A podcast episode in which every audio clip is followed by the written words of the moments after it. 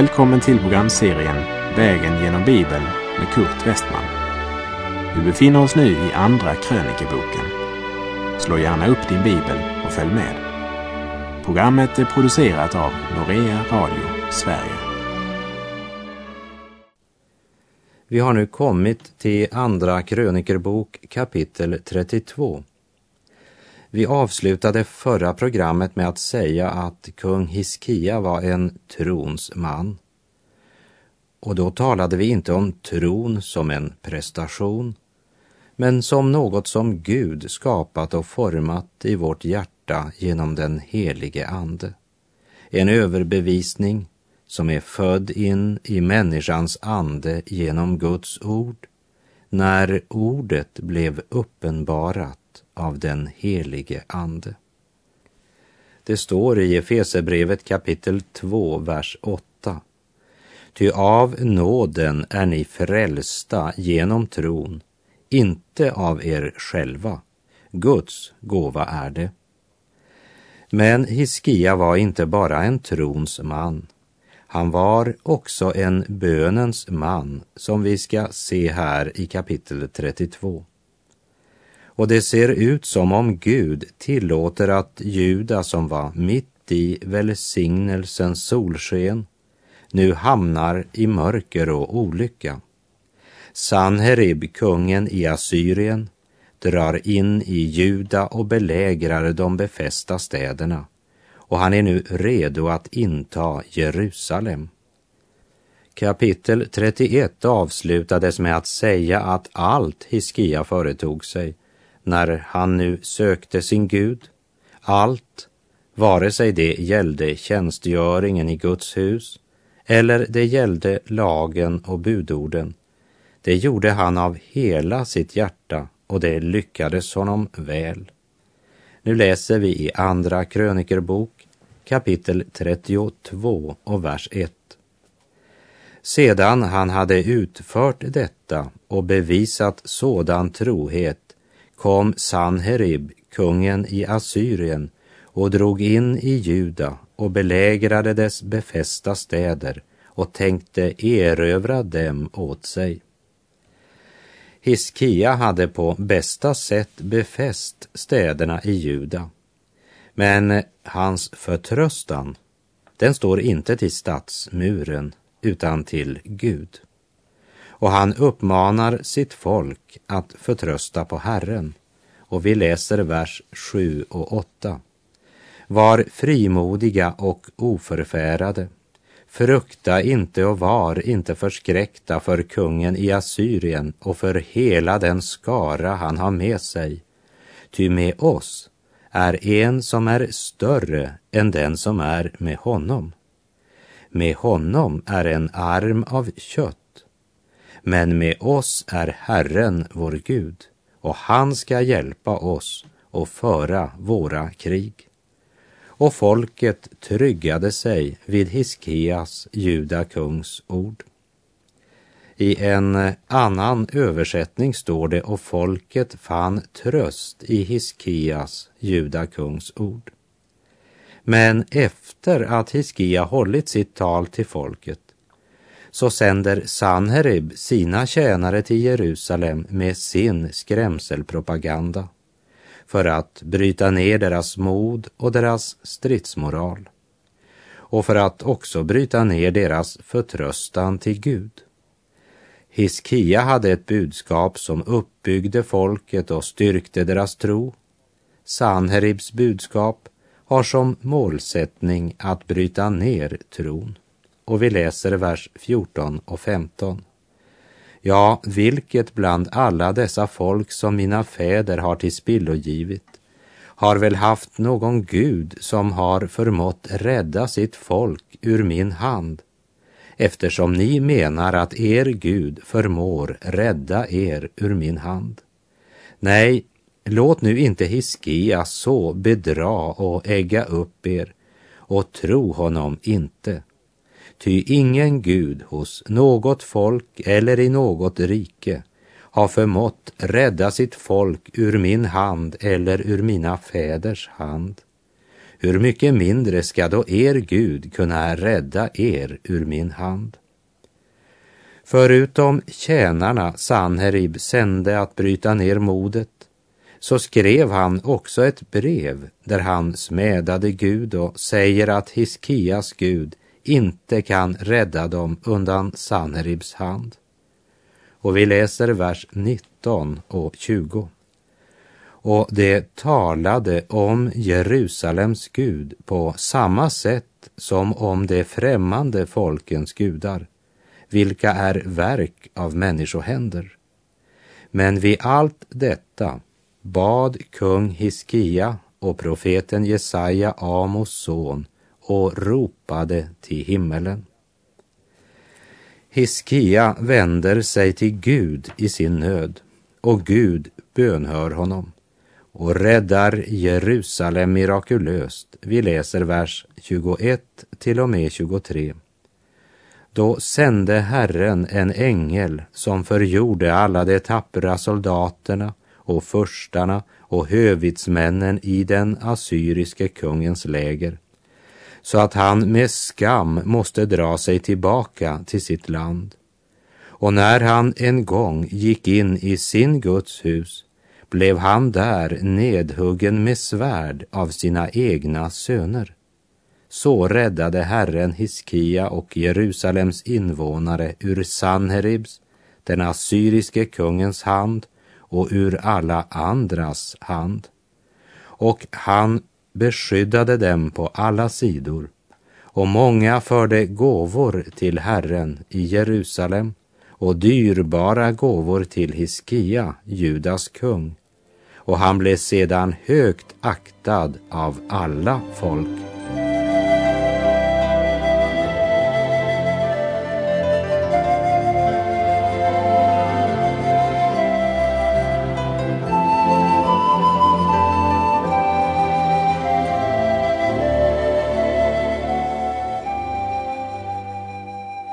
Många förde dyrbara gåvor till Hiskia och han blev högt aktad av alla folk. Han hade haft mod och styrka att som ny regent i Juda, där avgudsstyrkan var statsreligion och hedenskapet flödade, ändå ge order om att bryta ner avgudsaltarna och sätta templet i stånd. Han beordrade präster och leviter att helga sig och han återupptog firandet av Herrens påsk. Han sände bud, inte bara i Juda men till hela Israel och lät ropa ut budskapet. Vänd om till Herren, Abrahams, Isaks och Jakobs Gud, för att han må vända om till oss. Och när den mäktiga fienden Sanherib belägrar Jerusalem mister inte Hiskia mode, utan han vänder sig till Herren. Och han talade ett budskap till folket som styrkte tron. Det ser inte ut som det fanns något som kunde knäcka Hiskias tro och få honom att kompromissa. I Romarbrevets åttonde kapitel där frågar Paulus vem kan skilja oss från Kristi kärlek? Nöd eller ångest? Förföljelse eller hunger? Nakenhet, fara eller svärd? Så ska vi lägga märke till att bland allt det som uppräknas som inte kan skilja oss från Kristus så är det allt det som människan är så rädd för. Nöd, ångest, förföljelse, hunger, nakenhet, svärd och så vidare. Lägg märke till att det står inte att välfärd, bekvämlighet, njutning och rikedom inte kan skilja oss från Gud. Men det står att nöd, ångest, hunger, nakenhet, svärd inte kan skilja oss från Kristi kärlek.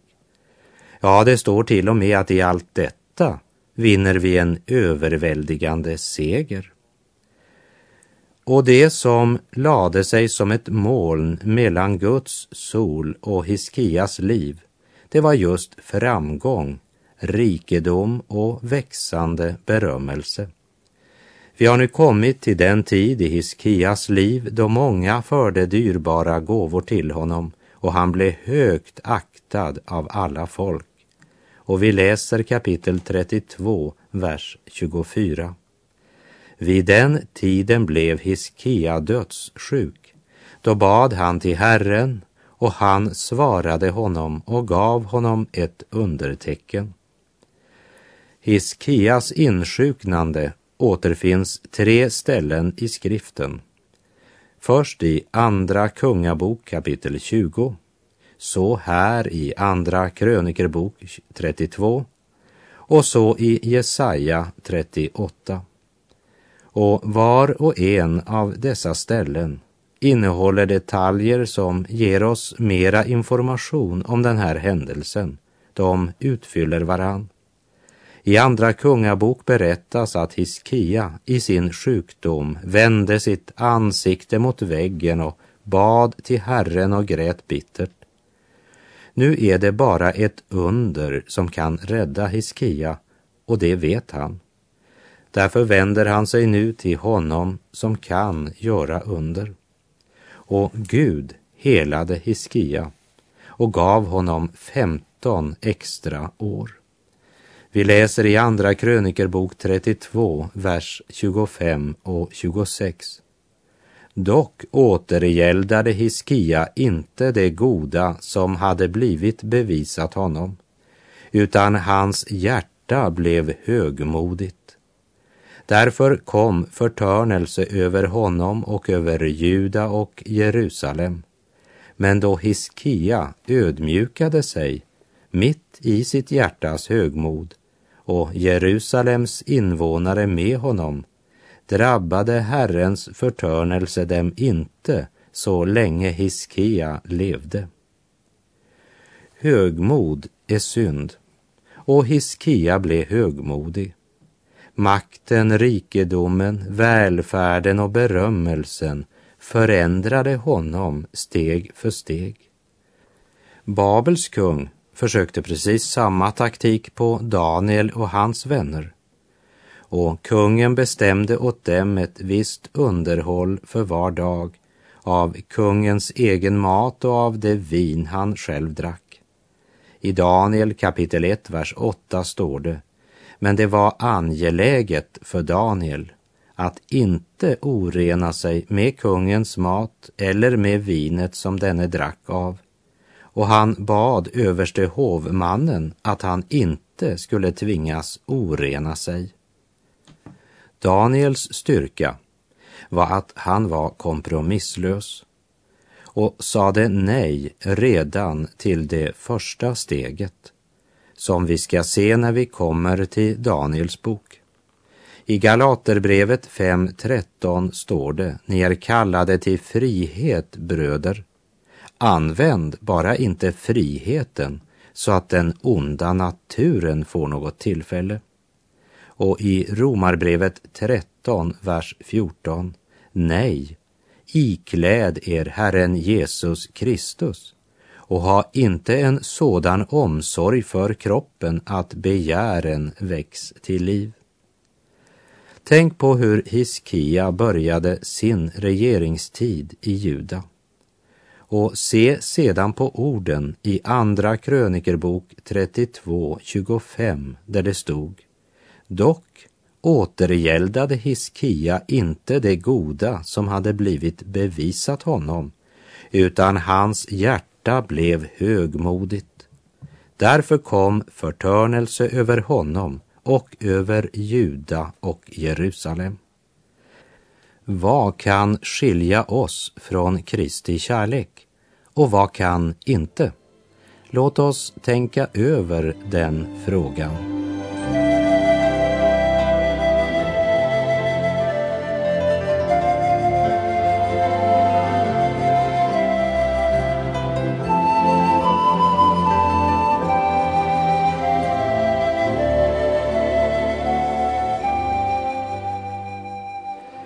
Hiskia återgäldade inte det goda som hade blivit bevisat honom, utan hans hjärta blev högmodigt och därför kom förtörnelse över honom och över Juda och Jerusalem. Vi läser andra krönikerbok 32, vers 26 och 27. Men då Hiskia ödmjukade sig mitt i sitt hjärtas högmod och Jerusalems invånare med honom drabbade Herrens förtörnelse dem inte så länge Hiskia levde. Och Hiskias rikedom och härlighet var mycket stor. Han hade byggt sig skattkamrar för silver och guld och ädla stenar och för välluktande kryddor och för sköldar och för allehanda dyrbara gåvor av andra slag. När Babels ambassadörer hade besökt Hiskia hade han i dåraktigt högmod visat dem alla judarikes skatter och även skatterna i Herrens hus, som vi minns ifrån Andra Kungaboks tjugonde kapitel. Den uppmärksamheten han fick när folk från Babel besökte honom får Hiskia att känna sig betydelsefull och han visar männen från Babel att han själv är ganska rik och en mäktig man. Tänk, han hade redan glömt att han för kort tid sedan var hjälplös och ropade till Gud för sitt liv. Nu är han högmodig över sina jordiska skatter. Och gästerna, ja, de kartlägger noggrant allt. Hiskia glömde att Babel och Jerusalem alltid står i strid med varandra. Och i sitt högmod visar han Jerusalems skatter för gästerna från Babel. Och här får vi nu Guds kommentar av den händelsen kapitel 32, vers 31. Också när från Babels förstar det sändebud kom som var skickade till honom för att fråga efter det under som hade skett i landet, övergav Gud honom endast för att pröva honom, för att han skulle få veta allt vad som var i hans hjärta. Det kan höras brutalt ut när jag säger att det hade varit bättre för Hiskia om han hade dött på fastsatt tid och inte fått leva 15 år på övertid. Men kombinationen av undret som gav honom hälsa plus hans jordiska rikdom gjorde att han glömde att leva i Guds fruktan och började istället att leva ett växande självliv. För efter att Gud förlängde hans livstid så skedde tre saker som var dåraktiga. För det första, han visade Jerusalems skatter för Babel, vilket gav honom ödesdigra problem senare. För det andra, på sin övertid fick han också en son, Manasse, som blev en av de ondaste och mest ogudaktiga av alla kungar. Och Manasses arrogans och högmod överträffade det mesta. För det tredje, Hiskias eget hjärta blev högmodigt och därför kom förtörnelse över honom och över Juda och Jerusalem. Så det hade varit bättre för Hiskia och bättre för Juda om Hiskia hade dött på den av Gud fastställda tiden. Min tid står i dina händer, som det står i Saltaren 31. Vi läser Andra krönikebok 32, vers 33. Och Hiskia gick till vila hos sina fäder och man begravde honom på den plats där man går upp till Davids hus gravar. Och hela Juda och Jerusalems invånare bevisade honom heder vid hans död och hans son Manasse blev kung efter honom.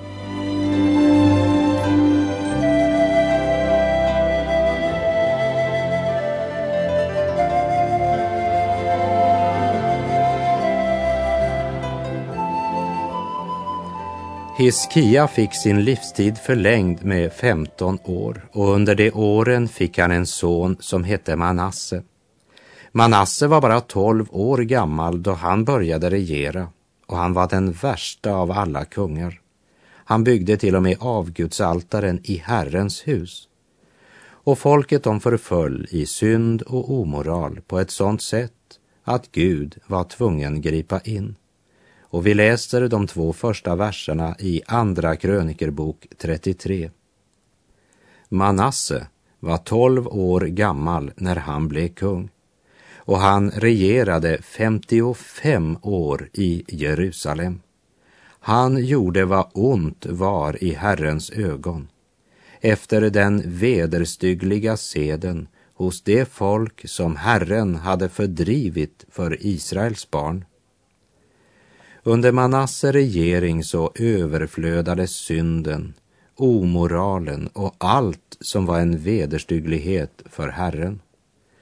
Lägg märke till hur länge denne man regerade i Jerusalem. 55 år. Längre än David, längre än Salomo, ja, längre än någon annan. Varför? Ja, jag har inget svar på den frågan. Men jag har genom livet sett att den tid som människan jäckar Gud är för någon människa kort och för andra otroligt lång. Men för alla gäller den eviga lagen att hon till sist måste avlägga räkenskap för sitt liv. Och den sanningen kan ingen undfly. Människan kan förtränga den sanningen och gömma sig för Gud i hela sitt liv, men sedan då? Ja, sedan måste hon möta Gud och stå avklädd i sanningens ljus. Den ogudaktige kan bedra många, många människor. Ja, han kan till och med bedra sig själv. Men Gud bedrar han aldrig. Och det som människan sår ska hon också skörda en gång till sist.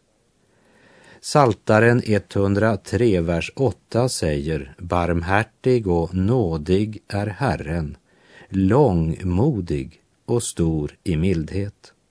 Långmodig.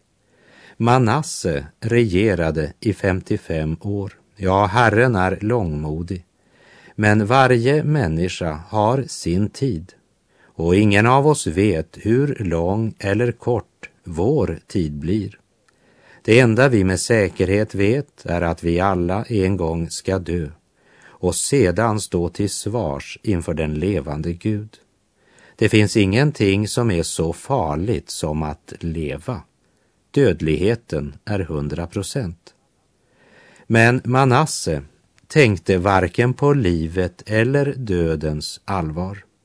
Han följde sin onda lust och gjorde det han själv ville och det var ont i Herrens ögon. Och vi läser kapitel 33, vers 3.